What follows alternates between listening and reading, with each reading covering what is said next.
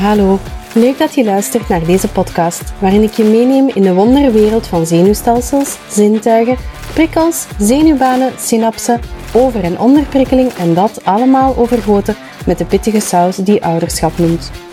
Ik ben Lien, doula, draagconsulente, maar bovenal ergotherapeut van het hart, intuïtie en wetenschap. Ik ben happily married met Tom, mama van drie jongens en dat ware levenslange leerder. En al die kennis wil ik graag met jullie delen. Welkom bij Prikkels en Dragen, de podcast.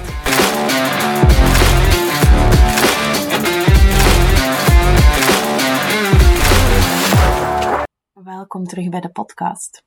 Vandaag een beetje een andere podcast. We gaan een keer bekijken wat je kan doen als ouder van een prikkelgevoelig kind om voor jezelf te zorgen. Ouderschap is op zich zwaar werk.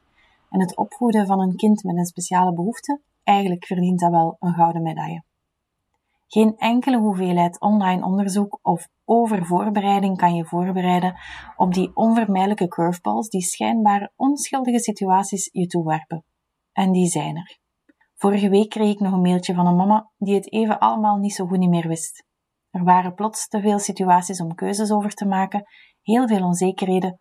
Doe ik het wel goed? Ja, natuurlijk doe je het goed. Je kan het leven niet even pauzeren. Je kan als ouder niet gewoon je bullen pakken en weglopen. Maar wat dat je wel kan doen, is voor jezelf zorgen en ervoor zorgen dat je klaar bent om te reageren op wat dan ook er gebeurt. Je kan niet geven als je zelf helemaal leeg bent. Hier zijn een paar herinneringen, een paar tips die jou kunnen helpen om voor jouw geestelijke gezondheid te zorgen als ouder van een prikkelgevoelig kind. Als eerste, check in met jezelf. Studies hebben aangetoond dat ouders van kinderen met speciale behoeften onevenredig het volgende ervaren: meer frustratie, meer pessimisme, overgevoeligheid en angst. Er is heel duidelijk een hogere ouderlijke stress. Mijn tip voor jou is: ga op zoek naar een dagboek. Iets dat je aanspreekt, maar ook een formaat dat voor jou handig is. Dat werkt binnen je gezin. Probeer wel om echt te gaan voor iets waar dat je in moet schrijven en dat je niet online op je gsm intypt. Het moet echt een boekje zijn. Een boekje dat je ook gaat gebruiken, dat niet in de kast blijft liggen. Elke dag ga je daarin even inchecken bij jezelf. Hoe voel je je nu, op het moment dat je schrijft? Hoe heb je je vandaag gevoeld? Was je heel angstig? Misschien was het allemaal even te veel. Ben je ontploft vandaag? Wat dat trouwens helemaal oké is, hè? wij mama's en papa's zijn ook maar gewoon mens. In dit stukje ga je ventileren, je emoties opschrijven, uitschrijven, van je hoofd overbrengen naar een ander medium, namelijk papier. Daarna ga je de leuke dingen van de dag ook opschrijven en liefst in een andere kleur. Wat ging er goed vandaag? Waar heb je van genoten? Waar ben je trots op? En dat mag heel ruim zijn, hè? Bijvoorbeeld, ik heb genoten van de zonsopgang of de eerste koffie van de dag, al was die om vijf uur s morgens. Gewoon de eerste koffie van de dag. Ik ben er trots op dat we samen door de nacht zijn geraakt.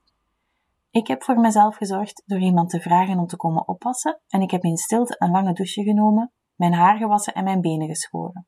Bijvoorbeeld, dingen om op te schrijven, dingen om trots op te zijn, dingen waar je van genoten hebt. Het laatste stukje, een heel belangrijk stukje, maar vaak ook een heel moeilijk stukje, heb ik al gemerkt.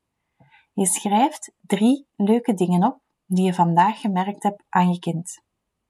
Ook hier weer geen grootse dingen. Hou het klein. Bijvoorbeeld, we hebben ontbeten zonder dat er een beker is omgevallen. Hij heeft op weg naar school een bloem opgemerkt en hij was helemaal in vervoering. Ik heb vandaag een oprechte, warme knuffel gekregen. Kleine dingen, tastbare dingen. Drie dingen van vandaag die dat je niet wilt vergeten. Nog een belangrijk ding. Dit is jouw boekje. Enkel van jou. En je moet het niet laten lezen door niemand als jij dat niet wil. Vraag aan huisgenoten ook om die grens te respecteren. Zelfzorg is meestal het eerste wat ouders van kinderen met een speciale behoefte vergeten. En dat verergert alleen maar een stressvolle situatie. Je moet er echt voor zorgen dat je zelf in balans bent om zo de beste zorg en de beste warme knuffels te kunnen geven aan jouw kind op momenten van stress. Een tweede. Soms kan het nodig zijn dat er een extern iemand jou komt helpen. Er is heel veel zorg voor je kind, maar soms is het misschien wel belangrijk dat jij ook een beetje hulp kan krijgen. Naast al die curveballs van externe factoren kan je ook dagelijks al die interne angst en frustratie ervaren. Therapie kan je in staat stellen om op een gezonde manier daarmee te leren omgaan. Om met die, al die verschillende uit, uitdagingen waar je mee geconfronteerd wordt, om die te kunnen plaatsen. Zodat de hoeveelheid overweldiging die je dagelijks kan voelen, dat je die beter kan beheersen, dat je die aan kan.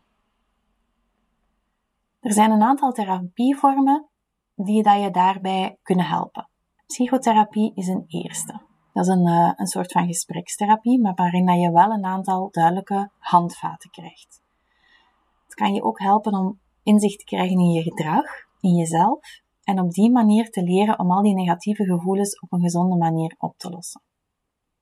Cognitieve gedragstherapie is dan weer gebaseerd op vaardigheden. In de cognitieve gedragstherapie werk je samen met een therapeut om specifieke problemen te identificeren en op te lossen. Je gaat echt op zoek naar strategische technieken die dat je uiteindelijk kan integreren in je dag en die je zo kunnen helpen. Bijvoorbeeld ontspanningstechnieken die je leren om je, om je geest leeg te maken, of die dat je kunnen rustig houden of proberen rustig te houden op het moment dat er zich een probleem voordoet of dat er een ontploffing is. Relatietherapie, een beetje een rare in dit rijtje, maar kan ook zeer belangrijk zijn. Zeker wanneer dat jouw kindje een bijkomende diagnose heeft, een ASS of een ADHD of um, eender wat van labeltje, kan het heel belangrijk zijn om samen als koppel daarover te kunnen praten. En heel vaak is dat moeilijk, want mannen en vrouwen gaan daar op een andere manier mee om.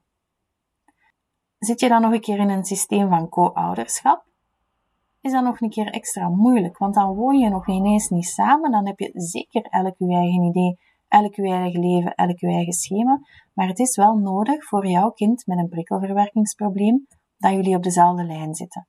En dan kan een relatietherapeut jullie daarin helpen. Hoe vind je nu een goede therapeut?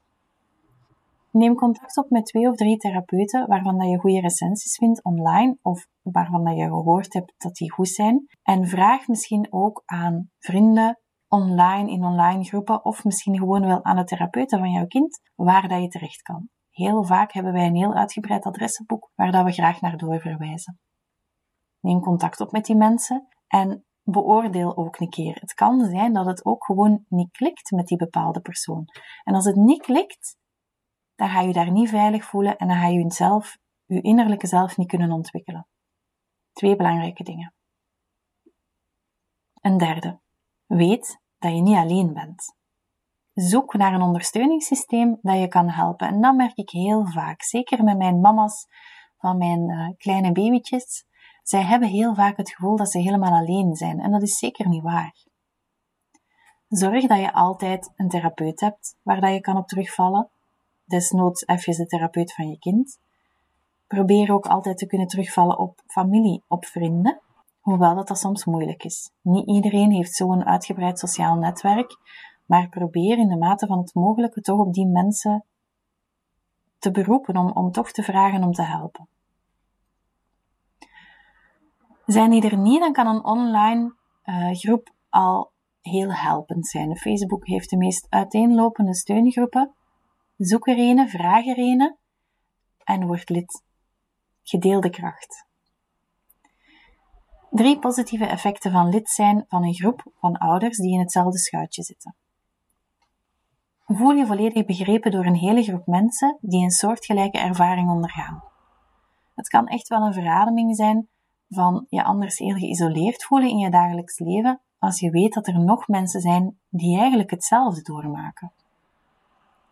Krijg een deel waardevolle aanbevelingen, variërend van welke financiële middelen beschikbaar zijn, tot welke tandartsen dat er geweldig zijn voor kinderen met speciale behoeften zoals de jouwe.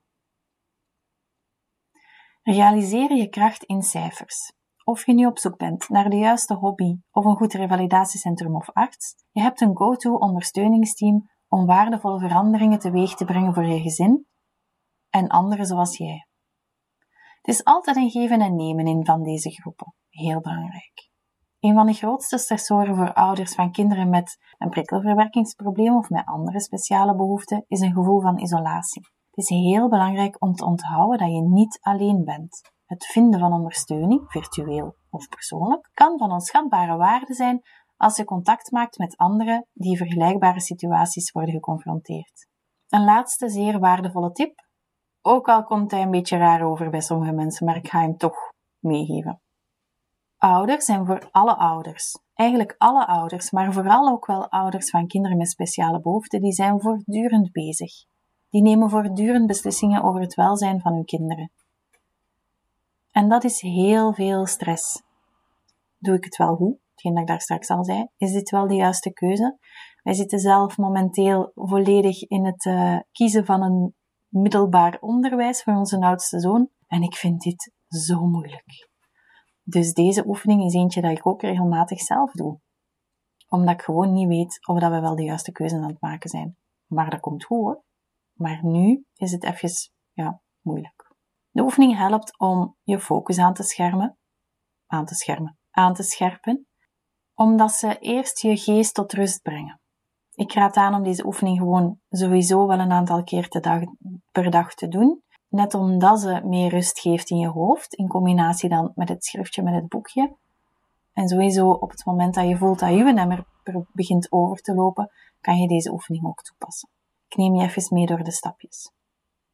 Ga eerst comfortabel zitten. Kies uw zaligste stoel, diegene waar dat je helemaal goed in zit, waar dat je geen rugpijn hebt, die dan niet kan ronddraaien en sluit je ogen. Hou je beide voeten op de grond, plat op de grond en je handen op je schoot. Adem 4 seconden in door je neus. En focus op de adem en de koude lucht die binnenkomt. Adem daarna 6 seconden uit door je mond. En focus op de warme lucht die naar buiten gaat. Herhaal dit indien nodig tot wanneer dat je een staat van rust gevonden hebt. Tot er weer verbinding is tussen je lichaam en je geest en de spanning is gezakt. Om af te sluiten wil ik nog een keer herhalen wat ik eigenlijk helemaal in het begin ook gezegd heb. Je bent niet alleen. Dit was de podcast voor vandaag. Een andere podcast, eentje die zich meer richt naar ouders en zorg voor ouders dan zorg voor de kinderen. Maar ik hoop dat jij als ouder van een prikkelgevoelig kind er toch veel hebt uitgehaald. Laat zeker weten als ik nog kan helpen. Stuur mij een mailtje. Of vul het formulier in op de website. Stuur een, eh, een berichtje via DM's in de socials. Alles kan. En dan uh, hoor ik je graag terug volgende keer. Dag!